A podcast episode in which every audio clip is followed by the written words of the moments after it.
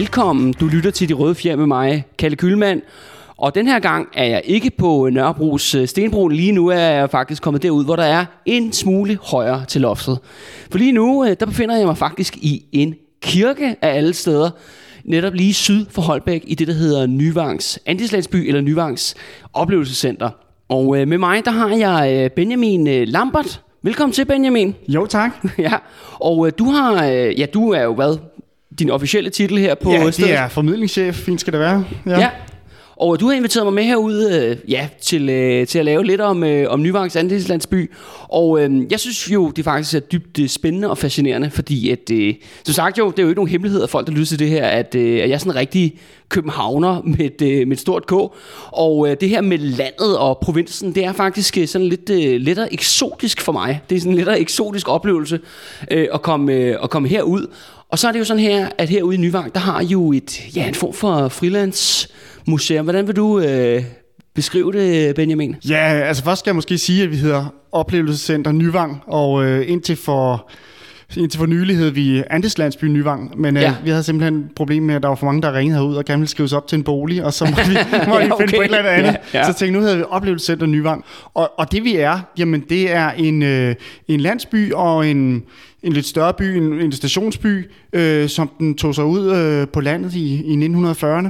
Og det er et sted, hvor at man må øh, opleve med alle sanser. Hele konceptet er, at øh, alle bygninger fungerer så vidt muligt som dengang, og øh, at øh, publikum skal inddrages så meget som muligt. Øhm, og det kan vi, fordi at vi ikke er vi er ikke et statsanerkendt museum, vi er ikke under museumsloven, så vi kan bruge tingene, som vi vil. Ja. Og så bruger vi dem, og så bliver de slidt op, så prøver vi at lave dem. Kan vi ikke lave dem smide dem ud? Ja. Og, ja. og det, øh, det er vi så heldige, at vi, at vi kan her, øh, så længe det går, og indtil videre, at det er gået i 30 år. Ja, ja, Nå, det er jo godt. Ja, og det skal også sige jo, det er ikke første gang, jeg er herude. Jeg så har haft en rigtig god oplevelse af jeres måde at formidle på, fordi at tingene er meget fysiske, og tingene er meget konkrete. I har jo mange øh, sådan biler og køretøjer, der kan køre, og I har også mange frivillige. Der er meget af historieformidlingen, som foregår i hvert fald i min verden, og i min bog i hvert fald, på et meget sådan tørt og ikke særlig inddragende sådan aspekt. Og der synes jeg bare, det er en helt anden oplevelse, når man i hvert fald kommer hele vejen herud, i hvert fald fra, fra Københavnstrup. Øh, men ved du hvad, det er jo sådan her, du har jo bedt mig, Benjamin, om at komme herud og, øh, og, og snakke lidt, grave lidt, finde ud af, hvad vi kunne finde frem til.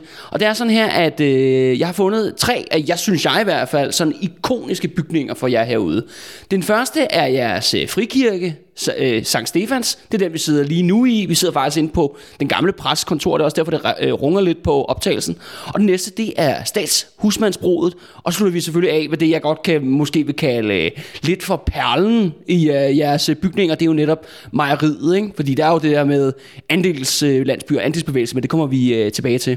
Men det er jo sådan her, Benjamin, at når man beder øh, Kalle Kylmand og de røde fjer komme ud, så får man jo også ørerne i maskinen. Jamen, jeg ved godt, det er farligt, det er røde ud i. Ja. ja. Og jeg skal fortælle, fortælle en historie om den her kirke, som øh, jeg synes er voldsomt interessant jo, og giver nogle helt andre aspekter på den her fine bygning, I har jo sat op. Altså, så vidt jeg har forstået, så blev ja, bygningen revet ned sten for sten og genopført her igen i 2007. Ja, det er rigtigt. Øh, bortset fra, at når man så genopførte den, øh, så viste sig, at, øh, at murstenene simpelthen var så dårlig kvalitet, at, øh, at de kunne ikke reddes.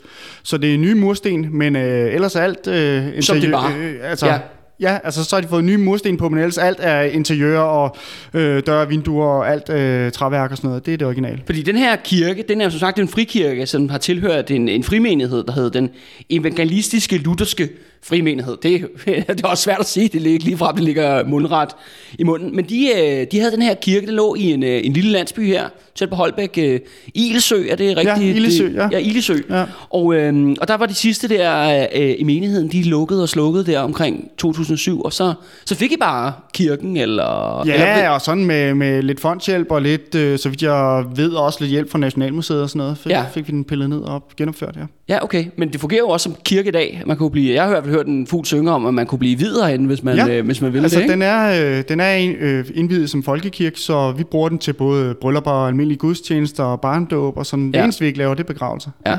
Det er faktisk virkelig sjovt, at det der med, at den er blevet genindvidet i folkekirken, fordi det ville øh, dem, der havde bygget det, havde Ja, det, er, det Absolut. tror jeg, du har fuldstændig det, ret i. Det er jo det, den her frimen, som jeg har i hvert fald har gravet frem og kigget på den her, ja, hvad kan vi godt, ja, vi kan godt bruge måske ordet sekt, uden at fornærme for mange uh, her uh, på optagelsen, uh, at det var jo netop i et opgør med den her, det de så som den latterlige og bløde og alt, alt for rummelige folkekirke. Og det er jo derfor, at den her kirke er jo nærmest et, et stort protestprojekt øh, opført i oprindeligt den originale der i, i 1884. Øh, der er ligesom den her frimenighed, den topper på sin vis. Og så er den så her mange år senere, så er den fandme endt som en del af folkekirken. Der er nogen, der roterer i deres grav ja, rundt omkring et eller andet sted. For det var i hvert fald ikke det, der var ideen øh, oprindeligt. Jeg har kaldt den her historie, eller den her historie, jeg gerne vil fortælle jer dig og lytterne, Benjamin, om kirken. Jeg har lidt kaldt den faktisk for mobbekirken. Jeg er ikke påstår, at jeg er den store ekspert på teologi eller noget som helst, men det jeg kan se i den her kirkeshistorie, og ligesom den her ja, frimenighedshistorie, der er rigtig, rigtig meget voksenmobning. Der er rigtig meget voksenmobning, altså hvor andre mobber folk, som har været medlem af frimenigheden her, og så er der også rigtig, rigtig meget mobning internt i kirken. Så det er det, der virkelig kendetegner den her, øh, den her historie. Men jeg synes også, der er noget, der er sjovt med det her med, med frimenigheder, og de her små øh, ja, sekter, der er ude på landet. Fordi det synes jeg er jo et, faktisk et, et kæmpe stykke, men også meget glemt stykke øh, Danmarks historie, og faktisk landbrugshistorie, landbrugssamfundshistorie. Fordi at en ting er, I har jo så den her frimenighed, den lutherske, evangeliske frimenighed her ved, øh, i Holbæk-området, men der findes jo utal af andre, spredt ud over hele landet. Og der er man jo hurtigt, øh, i hvert fald sådan nogen som mig, øh, som inde på byen, hvor man kun kender nærmest til den, hvad hedder det, lalleglade, hippie-marxistiske folkekirke, og så kontra Indre Mission, kan man sige, når man i hvert fald er fra København af, er sådan, sådan et mørkebillede på det vestlige Jylland, ikke? Og, jo, jo, jo. Men der er, findes altså utalligvis af andre. Jamen der opstod, så snart det blev givet frit, så opstod der jo alle mulige mærkelige retninger, alle mulige ja. spændende menigheder, alle mulige slags. Ja. ja, og det har jo så faktisk, vil sige, en af de mest velbevaret, mm-hmm. øh, og, og også på sin vis største eksempler på, øh, jeg i hvert fald, jeg kan i hvert fald lige kan komme på i hvert fald. Men den her, altså den her sekt her, det starter med en fyr, der hedder Nils Peder øh, Grundet, som er født øh, over omkring Kolding i 1827. Og han ryger ind i en anden sekt, eller han bliver nærmest født ind i en anden sekt, der hedder De Stærke Jyder, som hører det over til. Og hvis hele grundidé er, at det skal være, det, det skal være ligesom den ægte vare. Det skal være hardcore, det skal være mørkt, og du skal skamme dig, når du går i kirke. Og så er det, ikke, og så er det også nogen, der er imod fornyelse generelt set. Så alt det der med for eksempel, øh, nu har der jo været meget diskussion om kvindelige præster eller homovilser for nogle år siden osv., osv. Det er netop det stik modsatte. Det er om at holde fast med, med begge hænder. Men ham her, øh, Nils øh, Pedersen Grundet, og det er også en anden ting, jeg har opdaget ved mange af de her frimenigheder, fordi mange af dem er jo meget, meget små. Altså vi taler få 100 medlemmer ofte, og det er sådan set også den her menighed, der har været her. Det er det, det meste af dens, øh, dens liv. Men mange af de her menigheder startede lidt af, af mænd, øh, at ofte mænd i hvert fald, som har øh, det, jeg vil kalde showmanship. Der er altså nogle gode øh, kristne entertainere, og Nils der, han er kendt for, at han synger rigtig godt. Han skulle synge, så englene sang, når han, øh, når han stod i kirken. Og så skulle han jo også være en, en rigtig god taler og en god skribent. Og, øh, og det synes jeg bare er lidt sjovt, det der med, når man blander sådan lokale ledere, og faktisk også politik, som også bliver sådan virkelig en stor del af religionen, og så også når det er så små menigheder, at det bliver på nogle meget bestemte personer, der ligesom gør, at det ligesom bliver til noget. Fordi der er jo mange, sådan, der er utilfredse, kan man sige, med, med kirker, og når man er i religion, men der er altså nogen, der ligesom går hele vejen og bryder ud. Men det afgørende for Nils, og det er også afgørende for kirken her, det er, at han øh, på baggrund af, altså han er jo sådan set stadigvæk i den danske folkekirke, det hedder det så ikke der i, øh, hvad hedder det, i 1851, men der kommer han øh, simpelthen på missionsskole i Basel, nede i Schweiz. Og, øh, og der sker der så der, at, mens han er dernede, at øh, han bliver mobbet rigtig meget af simpelthen forstanderen på den her skole, som virkelig altså, isolerer ham og hele tiden nedgør ham. De har sådan nogle store øh, fælles øh, kom sammen, hvor de spiser sammen med alle de her missionærer. Det skal siges, der er en flok danskere, og der er selvfølgelig rigtig mange tyskere og, og folk alle mulige andre steder fra. Og så er det sådan her med, at den tyske forstander, han bliver ved med at, ligesom at gå efter Nils og ligesom sige, at du er ikke rigtig kristen, og, og du er en faker, og så videre, så videre. Og, øh, og Nils han ender faktisk med at komme øh, tilbage til Danmark, og ikke, ikke at have sit diplom på, at han ligesom nu er rigtig præst. Øh, men han kommer så tilbage til, øh, til Danmark, og det er der, hvor han, øh, jeg begynder så at prædike, på trods af, at han ikke rigtig har papirerne i orden, men stadig inden for, øh, for folkekirkens øh, rammer. Men han er der ikke særlig længe, så i 1855, det er der, han bryder ud og laver det, der ja, senere skal blive Sankt Stefans øh, frimenighed, mm. netop den øh, evangeliske, lutherske frimenighed. Det er jo virkelig, altså, giv mig de rene og de ranke, ikke? Væk, øh, væk med alt øh, vranglager, ikke? Og der er ikke plads til den her, øh, den her rummelighed. Og, øh, og så er der noget, at jeg synes, der er virkelig interessant, og det, det kan godt være, at jeg mangler en større forståelse af de teologiske spidsfindigheder, men det, jeg kan se, der har været vanvittigt vigtigt i den her kirke, det er det, der hedder kirketugt.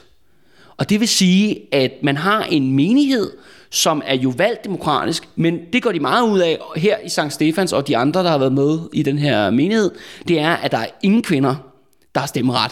Det er kun mænd, og de her mænd, som er sådan et form for de ældstes råd, man kender måske, hvis man har hørt mm. det omkring for Jehovas vidner, ja. Øh, optræder det jo også. Og, øh, og de her de folk, det er, øh, det, det er dem, der styrer præsten, og de øh, administrerer det, der hedder kirketugt.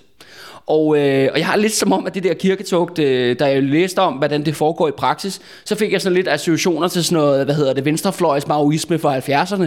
Fordi det er sådan noget med, at man står skoleret, ja. og så sidder der ligesom en flok folk, og så ligesom bliver man udskældt på, på det, man ligesom har gjort forkert. Og, og når vi er i den her kirkes rammer, jamen, så er det, fordi man ikke er en rigtig kristen, så man mm. ikke mm. hardcore nok. Og det er også derfor lige nu, der sidder vi jo inde på præstens kontor, og øh, ja, hvis væggene kunne berette, eller hvad man siger. ja. øh, fordi at, da vi sidder jo faktisk lidt i en, i en halvcirkel her, så man kunne sagtens forestille sig, at øh, der er simpelthen det ældste råd der, de har siddet her, og så er de mm. skældt en eller anden vedkommende. Og det er ikke kun præsterne, de gør det imod, det er også bare de menige medlemmer mm. i menigheden, om det har været mænd eller kvinder eller børn, eller hvad det nu øh, har været. Og det synes jeg, det er sjovt det der med, at, at Grundet har, eller Nils der, han har jo en oplevelse med voksenmobning på Basel, i, da han er på missionsskole, men så indfører han det satme som doktrin i sin egen kirke.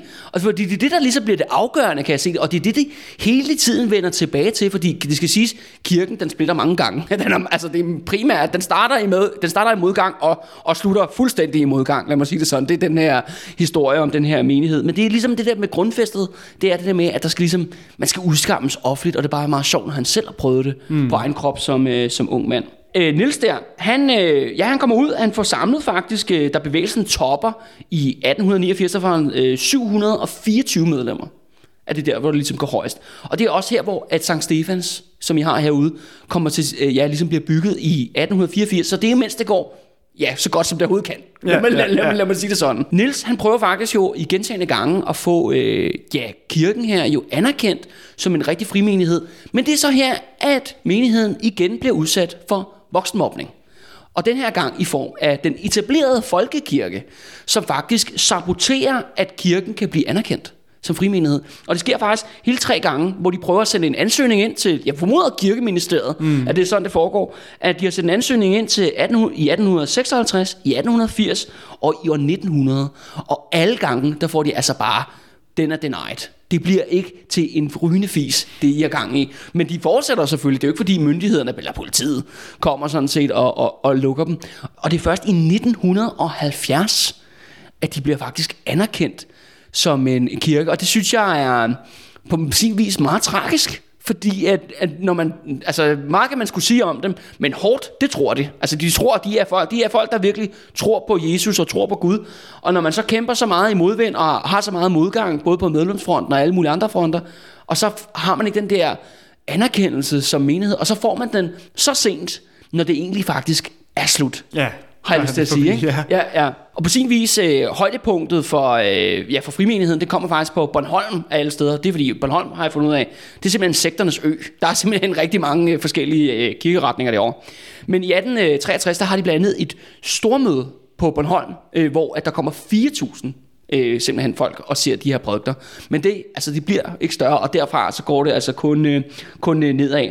Og ligesom efter, øh, som jeg allerede har sagt, øh, så ved folkekirken, de, altså de, de, når jeg siger mobning, så er det også fordi, at de taler dårligt om dem, de skriver dårligt om dem, i både sådan internt mellem deres, i folkekirken, mellem præster og biskopper osv., osv., men også i deres officielle aviser og blade og magasiner, der får de her folk her, som har jo blandet været i Ildsø der, de har jo fået ørerne tude fulde om, at de var fuldstændig nogle vanvittige tosser, ikke? Mm. Og de var ikke fandme ikke, de skulle fandme aldrig anerkendes som en, øh, en frimenighed. Og det er jo så den ene, kan man sige, indfløj af kirken. Men så er der også den anden fløj, og det er jo netop indre mission. Men der bliver det sgu ikke en skid bedre, Benjamin, fordi Nej, der er de også udsat for massiv voksenmobning. Og det bliver faktisk endda, kan man sige, værre og, og mere personligt, fordi den øh, intermission går efter, og de hører jo som sagt til over i, i det jyske, de går jo benhårdt efter Nils' person. Øh, ja, jeg vil jo kalde det en jurier. Mm. Altså, det er mm. næsten på den, på den skala. Og øh, Nils, han, de har også et blad, de udgiver her i Frimenigheden, og han prøver at forsvare sig, men som der står jo, han er jo sådan en enmands her. Altså, han er imod nogle kæmpe store kirkeretninger og nogle institutioner, der bare fuldstændig kører løs på ham og hans frimenighed. Men øh, så det bliver aldrig ligesom rigtig øh, større. Og så er der også en masse interne problemer, og det er jo sådan en anden ting, det der med, at øh, de har problemer ligesom at få rigtige præster. Så nogle gange, så kommer der altså bare nogle, øh, lidt, øh, nogle, nogle mænd, som kalder sig selv prædikanter, mm. og, øh, og, på, og som er gode til at tale og gode til at synge. Det er jo vigtigt, når man ja. går i kirke. Ofte så sker der så det, at øh, de nærmest bryder ud med deres egen lille kirke. Altså det er virkelig også en, øh, jeg har lyst til at sige, en øh, penismålerkonkurrence mellem mange af de her øh, fanatiske lokalfolk. Og det er jo også det der med, at når vi sidder her i kirken, nu er der jo meget fredeligt i dag, når man besøger jer herude øh, ved Holbæk af, mm. ikke? Men der har jo været nogle sindssyge skænderier. Altså ikke kun mm. inde i det her rum, men jeg tænker ude i selve kirke, øh, kirkeskibet der, ikke? hvor at, at folk har været ophidset og frem og tilbage, og så er der, og så den eneste måde, vi kan løse det på, jamen det er en god omgang kirketugt inde bagved, ikke? hvor folk fandme forskellige ørerne, ørerne fulde. Ikke? Årene går, og øh, så skal man sige, ikke måske så overraskende, men en smule problematisk, så er det sådan her, at Nils han sætter sin søn Valdemar til at overtage kirken i 1895. Altså det er simpelthen bare Sønneke, der får den der. Og det er jo sådan, øh, er jo sådan lidt kultagtigt vil jeg sige, når man har en, ligesom en religion, og man ligesom bare giver den videre til, øh, til, til Sønneke der. Men det vil faktisk øh, flertallet i kirken ikke acceptere.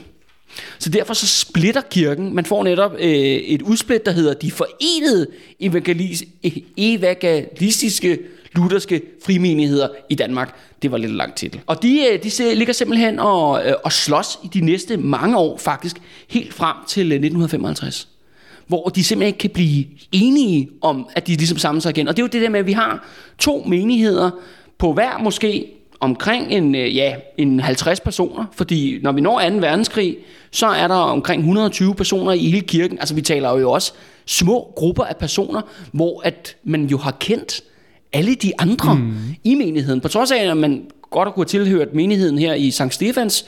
Og så har der selvfølgelig været nogen over i Jylland, og også på Langeland har der også øh, haft lidt, øh, hvad skal vi kalde det, lidt trækpaster. Men man har jo vidst, hvem de var. Og så har man jo stadigvæk været dødeligt uvenner. Og på trods af, at man har haft to forskellige kirker, som har været enige fuldstændig, altså ned til bogstavet, om at de synes, at kirketog var fedt, ikke? og hvad det nu ellers er, og man skal have de rene de ranker, det skal ikke, man skal ikke fortynde øh, Jesu lærdom, så har man ikke kunne enes, fordi det bare handler om personer. Mm. Og det er også grund til, at de skal så sige jo, kan man sige, det ender jo halvvejs lykkeligt, fordi de to kirker finder sammen igen i, 18, i, undskyld, i 1955. Men øh, det er altså kun på baggrund af hele den gamle generation, inklusive Valdemar, de er døde. Så det er det, der skaber enighed. Ja. Det er simpelthen, øh, døden fikser alle problemer i, øh, i, i sidste ende. Og, øh, men når man så når ja, om årene omkring øh, ja, 2. verdenskrig og 1950'erne, som jo egentlig er faktisk også er jeres øh, kerneperiode, det er jo mm. det, I formidler primært herude, der er de jo virkelig på tilbagegang. Altså der, der holder det virkelig ude i tårne. Men ret interessant, så sy- øh, er det, at øh, menigheden i København, den bliver nedlagt i 1950 for at styrke den her kirke. Mm. Så man har simpelthen folk inde i Københavnstrup, de har simpelthen ja, lukket og slukket, og så er de simpelthen flyttet ud her til Holbæk for at støtte op om øh, Sankt Stefans øh, kirken. Og der kan man sige, den fik jo så lidt et længere liv, men det var altså ikke nok til at forhindre den i at komme på museum. Nej, nej. men øh, det er jo ikke tilfældigt, der er rejsestal herover under menighedshuset. Der, der er en stald der, så folk kunne komme langvejs fra jo, ikke? Altså, ja, ja, ja. det var jo tyndt spredt ud, ikke? Jo. Og øh, det har været lidt af en særlig klub, må man ja, sige. Ja, ja, ja. Jamen også det der med, at man har vil rejse langt for at dyrke den her religion. Og jeg formoder vel også, at der må, også, der må jo have været nogle positive ting ved det her. Jeg forestiller mig et fællesskab, som man må så have på tværs af landet, på trods af, når man er sådan en lille håndfuld mennesker, ikke, som er jo, meget jo. dedikeret til sin bestemte retning. Ikke? Og helt sikkert, og det har jo været, som du siger, magtkampe uden ende, ikke? Men sådan er det vel tit, når det er ude på fløjene. Sådan ser vi jo også i politik, ikke? jo, når man kommer jo, jo, ud på fløjene, jo, jo. så splitter de sig op i 117 bevægelser. Ja, ja det, det er sjovt, du siger det, Benjamin. uenige om alle små ting, ikke? Jo, jo. Ja. Jeg, det er ja. sjovt, du siger det, fordi det var det første, jeg tænkte, gud, det er ligesom at være i politik. Ja. Det, var, det, var, det, var det, det var det, jeg tænkte. Altså både den ja, højrefløj og venstrefløj, for den sags skyld. Ja. Øh, men det findes altså simpelthen også i, øh, i den kirkelige verden, i den, i, den religiøse, i den religiøse verden. Det bliver jo kun færre medlemmer med tiden. Mit klare indtryk er, at for at blive medlem af den her kirke, så skal man være født ind i den øh, altså for, hvad hedder det, mellem forældre til børn og så videre, så videre i generationerne. Noget mere kan man sige problematisk, det er, at øh, kirken her bliver jo støttet, i hvert fald fra 1980'erne af, og jeg ved ikke, om de bliver støttet mere, skal sige. Men i 80'erne, der modtog de øh, jo penge fra det, der hed Missouri-synoden i USA.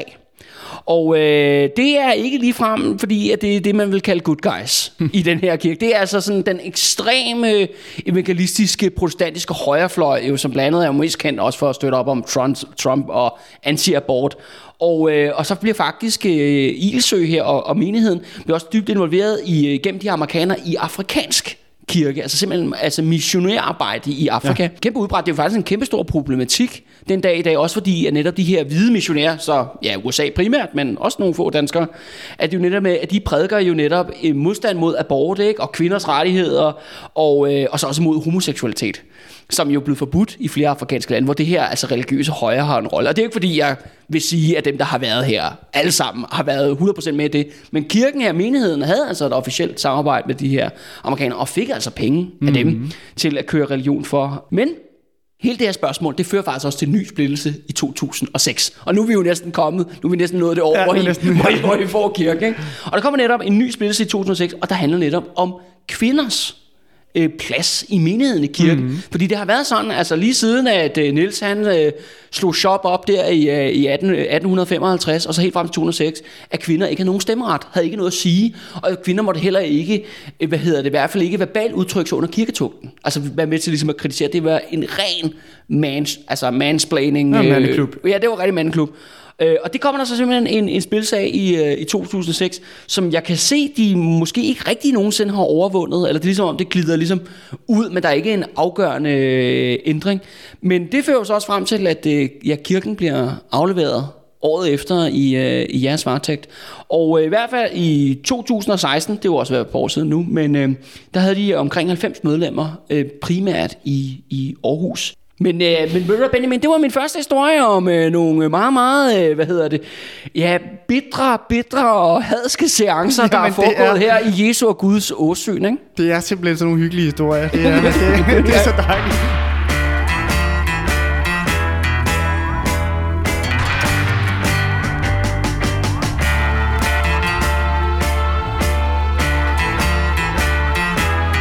Så, Benjamin, så er vi rykket videre i uh, teksten netop til vores uh, næste bygning. Det er jo netop husmandsbruget fra 1927, jo, som også har ligget ja, lige her i, uh, hvad skal vi kalde baggården til, ja. uh, til uh, hvad hedder det, til uh, ja, her Nyvang, uh, hvad hedder det, Andeslandsby.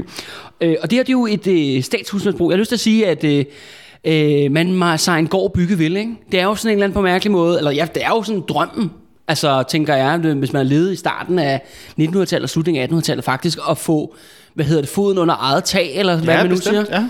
Ja. Øhm, og de her statshusmandsbrug, dem findes der jo tusind af, 10.000 af en dag, jeg har lyst til at sige 100.000 af over hele landet. Men det her, det er altså simpelthen en, ja, så vidt jeg har forstået, en kopi. Ja, det her, det er en, øh, det er en kopi, og ja, jeg plejer også at sige, at det her, vi sidder i nu, det er, hvad kan man sige, den typiske danskers hjem. Fordi det, ja. det var en tid, hvor at, uh, langt flertallet boede på landet, og uh, rigtig mange boede i de her typehuse, som det jo er. Altså det er husmandsted, som har ligget under det, der hedder Løvenborg Gods, og det findes så stadigvæk. Det er kun et kvarterskørsel og sådan mm. noget øh, herfra. Men det er fordi, at Løvenborg Gods har en helt særlig rolle, eller Løvenborg-skandalen, som den hed, om den gale baron på Løvenborg Gods, er en af de her hvad skal vi kalde det, giftige sladderhistorier, som faktisk fører op til, ja ikke bare det her husmandsbro, vi sidder i i dag, lige nu, men faktisk de 100.000 vis af andre kommer op over hele landet. Og øh, det er jo den historie, jeg tænkte, at vi skulle, mm, vi skulle have nu, ja, øh, Benjamin. Ikke? Det begynder med, altså den her Løvenborg, eller Løveskjolds-familien, de har altså været siddet på det her gods siden 1738. Så rigtig, rigtig lang tid. Den hopper vi lige over, den lange historie hopper vi lige over, og op til 1877, øh, hvor endnu en baron sådan set skal arve Løvenborg Gods. Han hedder Hermann Frederik Løvenskjold, og han skal sådan set øh, ja, overtage det her gods. Problemet er bare, at papirerne er klar, og alting skal jo ligesom gå i orden med banken og myndighederne osv. osv.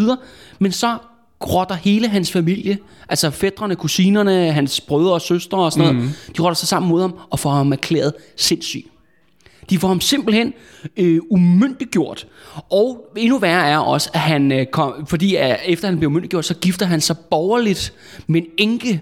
Så det bliver endnu, endnu, altså endnu ja. værre. Han er, de øh, anklager ham for at være øh, voldelig, hysterisk, råbende, og så siger de også, at han er sådan ligesom en, hvad kan vi kalde det, et lille barn. Han har ikke styr på sine finanser, og det er derfor, han er i gang med at køre Løvenborg-godset i sænk øh, økonomisk. Og hele tiden er der den her trussel, som faktisk kommer til at være over hans hovedsiden, øh, ja, fra 1877 og så helt frem til 1917, hvor han dør. Det er, at der er hele tiden den kon- øh, konstante trussel om, at han vil ryge på galanstalt. Mm. Og faktisk er det sådan her flere gange, at især en af hans øh, svoger, der, øh, ham ligger han i særlig, har et særligt dårligt, øh, dårligt forhold til i den her familie. Og, øh, og det er sådan her, at det er også den her svoger, der udbetaler ham penge, fordi han, der er sådan her, der er en lille beløb for Løvenborg Gust, der skal sådan set gå til hans konto hver eneste måned. Og den her svoger, han sender faktisk øh, politiet hjem til ham flere gange. Øh, de holder ham fast, holder ham nede, ligger ham ned på gulvet, ruder hans ting igennem, og ser om han har stjålet altså nogle værdier fra godset, når han har været på familiebesøg eller whatever på Løvenborg øh, på gods. Øh, og det lyder jo sådan, ja, det lyder jo rimelig hårdt og tragisk. Men der er bare det sjove ved det, at øh, Herman, øh, han påstår hårdnakket til den dag, han dør, at han ikke er sindssyg. Og faktisk, det der sker, er, at han jo mister, han er umyndiggjort, og han er godt nok baron af navn, men det er han jo ikke af gavn.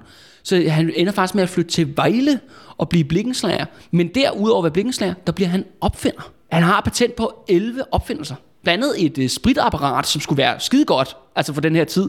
Og det er jo så det mærkelige, hvordan kan en opfinder blive erklæret vanvittig mm. af sin familie? Hvad er det, der foregår med det her Løvenborg gods?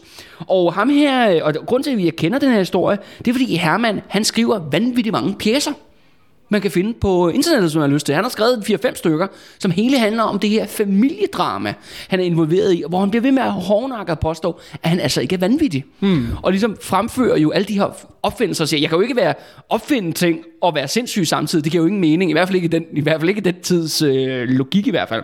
Og det, en, en, en stor del af de her pjæser er faktisk, at han har, øh, det man vil kalde i dag på lidt moderne sprog, øh, en second opinion. Han får simpelthen øh, tidens førende læger og psykiater til ligesom at vurdere ham. Altså han, der, der er simpelthen der er folk, der kommer hjem til ham og, og konen der i Vejle, hans lille hus der, Blinkenslarhus, og simpelthen tager tester og prøver på, om de viser om de der skide, øh, hvad hedder det, blækpletter på papir mm. og så videre, så videre, og hvad får han ud af det? Og nu, mange af de her læger, som man så trykt i de her pjæser, de siger, ja, men altså, ja, selvfølgelig er han voldsomt ekscentrisk, men, øh, men jeg vil ikke kalde ham, øh, ham vanvittig, vel? Mm. Og, øh, og det er så en anden ting, at Herman øh, påstår også, at han er udsat for et komplot. Han er udsat for et komplot fra borgerne i Holbæk. Hmm. Og især myndighederne i Holbæk, altså amtskriveren og hvad de nu ellers hedder, øh, hvad hedder det, djøftbyråkraterne nede lokalt der i byen, at de ligesom har rottet sig sammen med hans yngre familiemedlemmer om at simpelthen at stjæle Løvenborg gods øh, fra ham. Men hele den her sag, den, øh, den, bliver, altså, den får aldrig kan man sige, en afklaring. Han dør i 1917, uden at sådan set at komme tilbage til Løvenborg Gods og blive baron i fuld ret igen. Det er ikke sådan, det kommer til at foregå.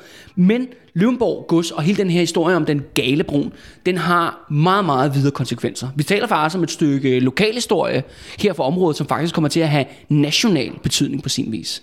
Fordi det er sådan her i årene ja, under Første Verdenskrig, og, øh, ja, og årene lige bagefter Første Verdenskrig, der er der jo et enormt pres på, at nu er det på tide, at adelen skal betale. De her rige, adelige parasitter, som lever på deres slotte, og som de har levet på, ja i det her tilfælde, siden 1738, som har udpint de fattige bønder og daglejere og suget alt, hvad der er værdier ude i deres lokalområde, det er på tide, at de skal betale tilbage. Og, øh, og det fører simpelthen til, at den radikale regering, der sidder under Første Verdenskrig, ja, det er vanvittigt at tænke på, men dengang der var de radikale protestparti. Mm-hmm. Og, øh, og det de radikale ville blandt andet ud på landet, fordi det var jo også en, ja, det bestod jo en flok hvad skal vi kalde, øh, københavner-akademikere for Frederiksberg. Yeah, yeah. Det var noget af det mest fladpatter, du kunne forestille dig, Benjamin. Ikke? Mm. Nej, altså det var jo virkelig essensen af de københavnske salonger. Ja, ja. Altså det var det her radikale parti. Ja, ja. Men deres politik var også baseret på, at de gerne ville hjælpe husmændene. Og derfor den her storstilede plan om statshusmandsbro, ligesom det vi sidder i lige mm. nu. Øh, og hvor der også er gæster, hvis man kan høre, der er folk, der lidt skramler rundt øh, om os. Og den her plan, den er noget af det mest radikale, der er sket faktisk i Danmarks historie. Jeg har lyst til at, lidt, at kalde det lidt en lille revolution på landet. Fordi det planen var, at 25% af formuen, altså kontanterne på godsen, det skulle tages kvitterfrit til staten. 20% af jorden skulle tage fra godserne, og så simpelthen skabe de her statsmandshusbro. Og det sidste ekstra salt i såret, det var, at øh, en socialdemokratisk museumsdirektør for Frederiksborg Museum, han ville lov til at plyndre godserne for kunstgenstanden. Altså simpelthen tage folks personlige familiemalerier fra gamle dage, og simpelthen tage dem ned og rive dem ned og væggene med søm og det hele, og så fragte dem op til øh, Hillerød, øh, op ved ja, Frederiksberg Borg Slot, hvor man kan se dem den dag i dag. Og det er noget, der sker jo hele over hele landet. Men altså helt lokalt her i Holbæk-området og Løvenborg Gods, det har en særlig betydning. Fordi den her historie om baronen, den gale baronen, som bliver kørt ud på sidespor af en familie, det er sådan en historie, der kører igen og igen i politikken, som er sådan en radikal organ, og en masse andre blade, som er pro den her jordreform.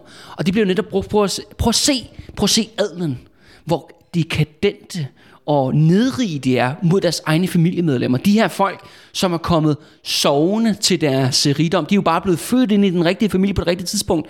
Vi kan ikke tillade det her. Og det er blandt andet den her løv. Det er jo ikke det ene historie blandt mange, men mm. den har en prominent rolle, fordi at ham her, øh, vores gode Hermann der, han var en enormt skrivende, hvad hedder det, gal baron, og derfor fik det en stor udbredelse. Og det var netop noget, der blev brugt aktivt i den her, ja, så vi godt, vi godt kalde det lidt en hetskampagne. Altså for at få adlen til at hoste op. Men det sker, ja, at de radikale på baggrund af, der sker jo også alt muligt andet, skal det siges, i denne periode. Der er blandt andet noget, der hedder den russiske revolution og den tyske revolution, som er nok med til at vende stemningen lidt i forhold til det her totaloffensiv øh, mod den private ejendomsret, som det jo faktisk egentlig er. Der kommer også til at være en højesteretsdom, altså den her de radikales politiske program om at tage alt det her for de adelige. Det kommer hele vejen til højesteret, og der falder også en dom i 1919, hvor alle de her dommere, hvor mange af dem sjov nok selv er adelige, de vælger simpelthen at stemme for, at adelen skal altså bare hoste op ved kasse 1. Og det er på trods af, at det faktisk er imod grundloven som den i hvert fald stod i den her grundlov mm. der i, i 1919. Men det ser man altså stort på, Benjamin, og hvad hedder det, politiske, hvad hedder det, begynder at brænde under fødderne på en, så ændrer man sjovt nok perspektiver. Og det fører så blandt andet til, at det her husværdsbrug, vi sidder i nu, det kan simpelthen blive oprettet. Og som du selv sagde, jamen det er jo så ja, den danske drøm er når er der 1919 eller mm. 1927, ikke, som jo, det her husmand, uh, husmandsbro er oprettet.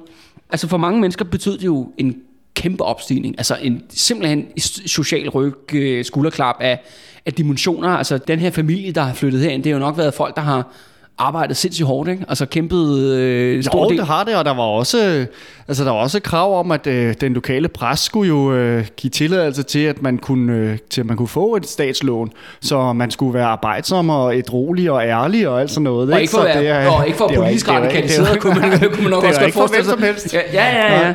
Og det, det var jo en eller anden måde for ligesom at Øh, ja, både på, at øh, man vil ikke have en revolution eller en omvæltning i Danmark, som man så det ja, i Rusland og Tyskland, altså lande, som ikke er, ligger særlig langt væk, øh, eller hungeroptøjer, som man så i Sverige for eksempel. Altså prøv ligesom at holde det her ned og ligesom give det til noget af den største gruppe af befolkningen. Ja, landarbejder og landbrugsbefolkningen var jo vel stadigvæk omkring de her ja, 70 procent, eller mm, i hvert fald ja, omkring i den her periode. Ja. ja. Så det store, store flertal. Men det sjove er jo så også ved det her, altså hvornår det her husmandsbrug er oprettet. Det er oprettet i 1927, og allerede et par år efter, så begynder det at gå galt jo. Hmm. Det er jo det her med husmandsbroen og hele den her drøm om, at bo under eget tag, lykkeligt ude på landet, og det er jo sådan, har jo altid været beskrevet, Danmark er jo landbrugsland, ikke? Vi har jord, vi har, hvad hedder det, gødning mellem fingrene, eller hvad fanden man siger, det er jo det er svært at føle, når man hedder kalkylmand, men det er i hvert fald det, man kan læse sig frem til, ja. at det har været sådan. Og de her folk, der har levet den her drøm, men det begynder allerede at slutte altså i 1929, fordi der kommer den store depression jo. Og rigtig mange af de her husmænd, de øh, går jo bankerot jo. De går jo nedenom og hjem. Så det her husmandsbrug er jo lidt som at pisse i bukserne, har jeg lyst til at sige. Det giver jo kun en, det giver ligesom en stakket frist til landbrugssamfundet, eller landbrugs øh, livet, at de lige kan holde den gående lidt. Det skal siges jo, at at regeringen i København øh, begynder, fortsætter så faktisk med at sætte husmandsbro helt frem op til 1960'erne. Mm. Kommer det sidste af de her programmer.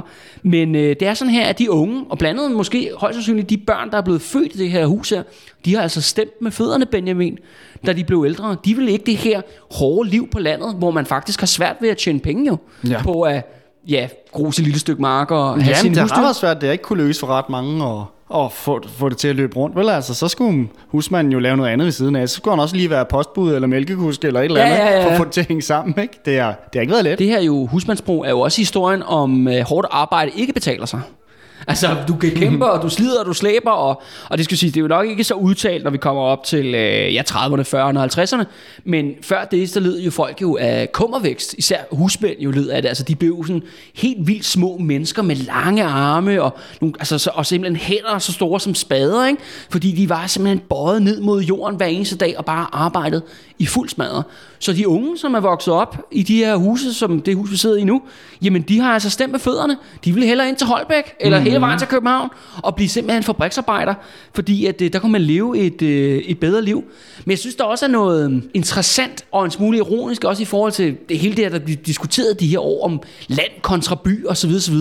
Fordi at nu er det jo meget sådan, at det er hovedstaden, der suger en masse kraft ud af resten af landet. Og, og det er der sgu også en sandhed i, vil jeg sige. Men når man kigger for eksempel sådan en ting som initiativ som statsmusemandsbrugene, man skal huske på, at det er de mest fladpandede københavnske salonger, de mest elitære, man kan forestille sig i København. Det er dem, der bliver ved med at prøve at lave de her reformer, og simpelthen sørge for, at der stadigvæk er liv på landet, at folk får deres eget hus. Og de prøver altså fra 1919 og helt frem til 1960'erne, men det kan simpelthen ikke lade sig gøre. Mm. Der er åbenbart ingen, der vil bo her, Benjamin. Nej, det kan jo... altså, ja, men det kan jo også noget at gøre med, altså, altså hvordan vilkårene var på landet, ikke? og uh, hvad for nogle muligheder man havde, ikke? og uh, så tror jeg da også, at det her med, øh, hvordan det har været lokalt ude i de små samfund, ikke? Altså det der sociale pres, der har været, ikke? Og nu hvad, er det for social pres? Nå, men jeg tænker bare, nu sidder vi her i den, din fine stue i Husbundstedet, ikke? Og øh, Øh, jeg plejer at sige, hvis man tror, at vi i dag gør meget ud af at, at sådan vise, hvor godt vi klarer os ud til sådan på sociale medier og sådan ja, noget, ja, ja, ja. det er ingenting. Prøv at se, her har man sådan en lille hus, ikke? men vi er et helt rum til bare at skulle stå super ja, ja, ja, ja. skarpt, ikke? hvis du øh, skolelæreren eller lægen kom forbi, eller tanten inden for, for byen. Ikke? Jo. Altså, der har været et, øh, et social kontrol og social pres, som vi slet ikke kan forestille os i dag. Og, og samtidig altså, hårdt arbejde for netop at skrave de penge sammen til blandt andet ja. at betale for sådan noget her, som ja. den her statsstue. Ikke? Jo, jo. Ja, ja, og det er jo også det, når man sidder de her væk. Nu kan man sige, de har jo fået det jo igennem en reformplan, der er vedtaget af regeringen og så videre, så videre. Og, det er jo, og hvem skulle betale? Jamen det skulle jo godsejerne på Løvenborg ja, Gods. Og det førte faktisk også til, at Løvenskjold-familien blev nødt til at sælge godset jo. Hmm. I dag sidder der en helt anden adelsfamilie over på godset og køre moderne landbrug, så vidt jeg har kunne læse mig frem til på, på nettet. Men det blev faktisk der stod, altså både sindssyge Hermann her, gale Hermann, og så, og så ja. helt den her, faktisk den her retssag ja. i 1919, og de skulle betale så meget, og det viser sig, så var der jo ikke så meget tilbage, og så solgte man det fra, ikke? Øh, men det er også med de her vægge, ikke? Altså, selvom de har fået det igennem ja, statsstøtte eller hjælp, kan man sige, fra regeringen, så er de jo mennesker, der har altså, kæmpet og arbejdet hårdt hver eneste dag, for at øh, jeg kunne klare den, ikke? Okay. Ja. Og det er lidt utroligt, at den omfordeling, den gik så fredeligt, som den gik. Det er jo faktisk, ja. altså jeg synes gang på gang i Danmarks historie, man siger, hold da op, tænk, at det gik så forholdsvis ublodigt, ja, ikke? Ja, jo, jo, jo, jo. Ja, men netop i sammenligning. Altså, det ja. kan man sige, det var jo smart tænkt. Altså, den radikale regering, der, der sad under Første Verdenskrig, de var fandme ikke dumme, mm. eller årene lige der, derefter. Men det er også det der med, at det bliver så, det er nærmest som et kortvarigt eksperiment. Altså det her med husmænd, ikke? Og når man kigger ud i dag jo, altså jo, der ligger jo husmandsteder overalt i det her land. Altså man skal ikke køre særlig meget ned ad en landvej før man støder på de her små husmandshjem. Men landbrugene er jo solgt fra. Ja, ja. Altså, selve, altså husene står stadigvæk, men selve ideen, ja. det der var meningen, at, at, at nu skulle familierne, de skulle, have deres, de skulle lige have to køer og fem ja. grise og seks får, eller hvad det nu var. Ikke? Altså. Men det er jo også historien om, om andelsbevægelsen, nu vi er her, ikke? det der med centralisering. Altså, ja. du starter med, at, øh, at andelsmejerierne ligger ude lokalt, ikke? og så bliver de bare slået sammen og slået sammen og slået sammen. Ikke? Stordriftsfordele, ikke? stor produktion, så kan du få de bedste medarbejdere ansat, ikke? og du kan få, få priserne langt ned. Ikke? Altså, det er hele tiden en historie om centralisering. Ja, men det fører os også faktisk videre til den næste historie.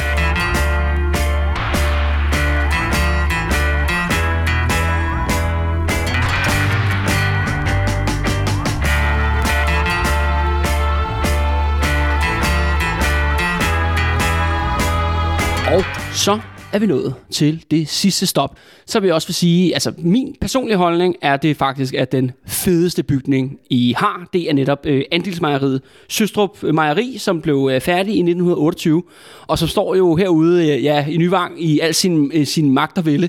Og jeg synes jo, når det er naturligt, Benjamin, at det sidste, vi skulle tale om, det er selvfølgelig andelsbevægelsen. Ja. Yeah og, øh, dejligt. Ja, fordi jeg, tænker, ja, fordi jeg tænker, det er jo ligesom, hvad skal vi kalde det, kronjuvelerne, ikke? Det er det, det, ja. det, det, er jo, det er jo guldet, ikke? Det er jo nationalfortællingen, og det er jo, det er jo egentlig også gerne vil formidle, altså formoder jeg i hvert fald. Det er vores kernehistorie, det er det, helt sikkert. Det er mest sådan, når man tænker andelsbevægelse, fordi at nu har jeg jo, øh, som min gamle lytter vil vide, har jo arbejdet rigtig meget med arbejderbevægelsen. Men men det er jo ligesom den ene store bevægelse, som mm. jeg så har også hudflettet utallige gange, og kaldt lidt en sørgelig skygge af sig selv osv. osv. Og så er der jo så den anden store bevægelse, netop ude på landet, som jo faktisk falder nogenlunde sådan historisk i de samme år jo. Det er jo netop den her andelsbevægelsen. Mm. Men øh, jeg synes, det ser lidt sørgeligt ud.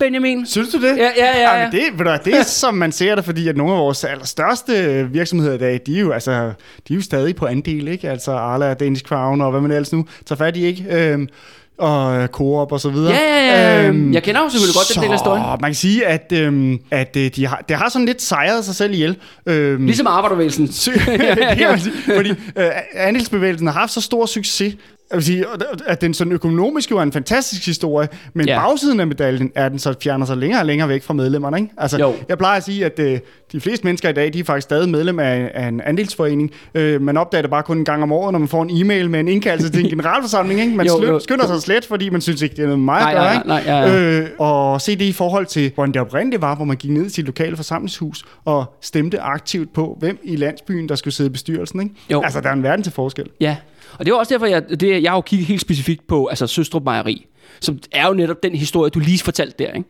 Altså i nødskal, helt kogt ned til lokale øh, mejeri her. Der var jo mange mejerier jo her i området, hvor at øh, Søstrup altså var, var, en, var en af dem. Og det er jo netop egentlig også det, jeg sådan lidt som, øh, skulle jeg sige, øh, øh, by, bybarn eller bybeboer, jeg bliver sgu sådan helt trist, når man læser om den her historie, fordi det der mejeri der, altså det handlede jo, selvfølgelig havde de jo, øh, ja medlemmerne var jo nogen, øh, der havde ja, købt sig ind et medlemskab, og så havde de jo køer så, hvor de så fragtede jo så deres mælk efter, og det var ligegyldigt, om de havde 20 køer, eller om de havde 5. Mm. Så fragtede de mælk ned til mejeriet, som så lavede, ja, mejeriprodukter, som så blev solgt videre af den ene eller den anden slags. Og det var så primært jo selvfølgelig øh, mælk og smør, ikke? Så, vidt, øh, så vidt jeg har forstået. Men, men det var Ost, jo... Ostsmør, ja. Men det er det med, at andelsbevægelsen kommer jo bare sådan, som virkelig sådan bravende ind i Danmarks historie, apropos eller arbejderbevægelsen. Den første der kommer i Tisted der i 1866, men derfor kører det jo bare derudad jo. Ja. I 1914, hvor bevægelsen topper, der er omkring 40 procent af befolkningen medlemmer. Altså, det, det er jo vanvittigt højt tal. Altså sådan, der kan man jo tale om Forenings Danmark, ikke? Om jo, jo, jo, jo, jo. Danmark, ikke? Jo, men der er nogen, der har sammenlignet, altså byggeriet af andelsvirksomheder, er nogen, der har sammenlignet med sådan byggeriet af pyramiderne, eller måske øh, kirkebyggerierne i middelalderen, altså ja, ja. det gik virkelig stærkt. Det er Benjamin, og det er her, her kommer lidt som uh, djævelens advokat nu, ikke? Det, jeg vil jo så sige jo, at, at for allerede fra 1960'erne, altså faktisk allerede for omkring 1. verdenskrig, så var det bare ligesom at holde ud og så fra 1960'erne, der har vi jo faktisk et decideret sammenbrud, som jeg ser det, i andelsbevægelsen. Og så kommer vi op til 1990'erne, og det så siger du selv jo, ja netop, at hvem har udfyldt, øh, hvad, hvem har indtaget resterne, jamen det er jo så Arla og Coop og hvad det nu ellers hedder. Jeg har bare svært ved at se, at det er jo rigtigt nok, jeg kan godt se det der med medlemskabet, men de fungerer jo som store virksomheder. Mm. Altså, hvor der ikke er den her nærheden og den her kulturen osv. osv. Altså, Søstrup Mejeri i sin glansperiode havde omkring de der 3-4 ansatte eller whatever, og så den her lokale foreningsliv. Men det betød jo så meget mere end det. Mm. Det betyder jo vanvittigt meget, så vidt jeg kan i hvert fald kan forstå, at når man er ude langt ude på landet, at der også er nogle lokale arbejdspladser. Og det betyder selvfølgelig også, at der er penge til at støtte op om øh, kultur osv. osv. Og det behøver ikke at være sindssygt hardcore indre mission, ligesom over på St. Stefans. Det kan også være at en lettere slags, om så er det en fastelavnsfest, eller hvad det nu, mm. nu skal forestille sig. Og med det, at mejerierne blev forsvandt de små lokale, ja, det blev jo større, og vi har aldrig produceret så meget mælk, som der er nu, men, men, men hvad er prisen, ikke? Jo, jo.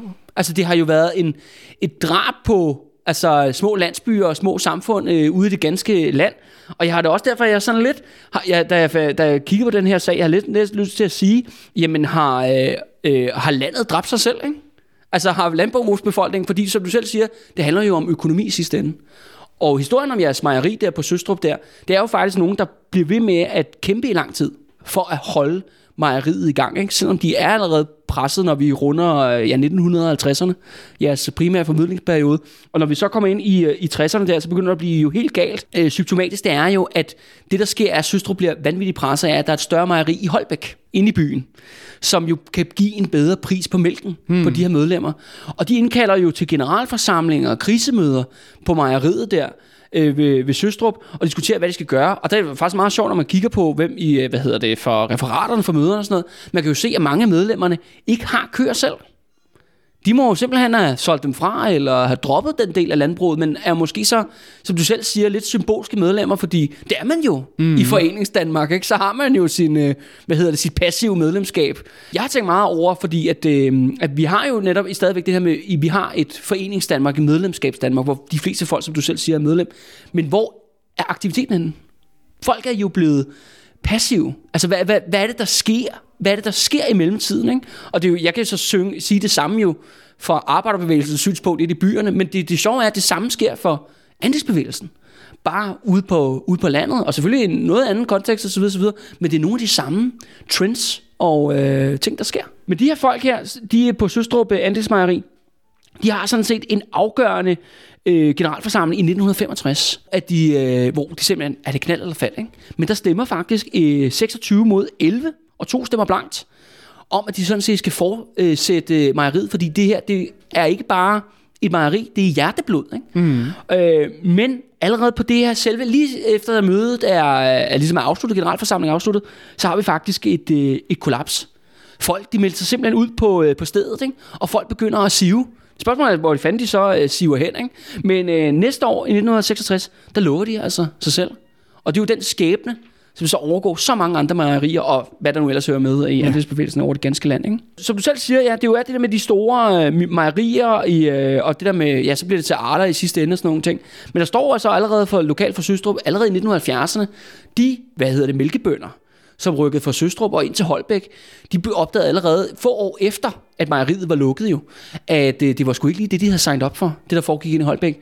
Fordi du snakker jo selv om, ja, men med medlemsdemokratiet osv., osv., men de opdagede jo lige pludselig, at deres stemme jo ikke betød lige så meget, som den plejer at have. Nej, det er klart. Og ja. det er jo en af grundpræmisserne af andelsbevægelsen, ikke? Det er jo, vi taler hoveder, ikke høveder, ja, tror jeg, det er jo ja, det er udtalt, ikke? Altså, man regner efter en mand, en stemme, ja. og det handler ikke om, hvor mange køer du har. Nej i, øh, i, andel, øh, i andelsmejeriet. Ja. Men det blev altså simpelthen, det, sådan var det ikke fra 1970'erne af. Det man ser, som man har set så mange andre steder, det er jo, at det bliver direktører, manager og underlederens underleder, ikke? Mm. som man skal til at, til at deal med. Og samtidig har vi så det der med, at, at landbrugene går kun en vej jo. Det bliver jo kun større og større. Yeah. Altså kæmpe farme, altså både med selvfølgelig med svin og, og, og, og køer. Og flere og flere, øh, og færre og færre folk jo, altså som skal arbejde så i, i landbruget. Og jeg kan ikke rigtig finde ud af, fordi der er jo selvfølgelig også en del om den teknologiske udvikling.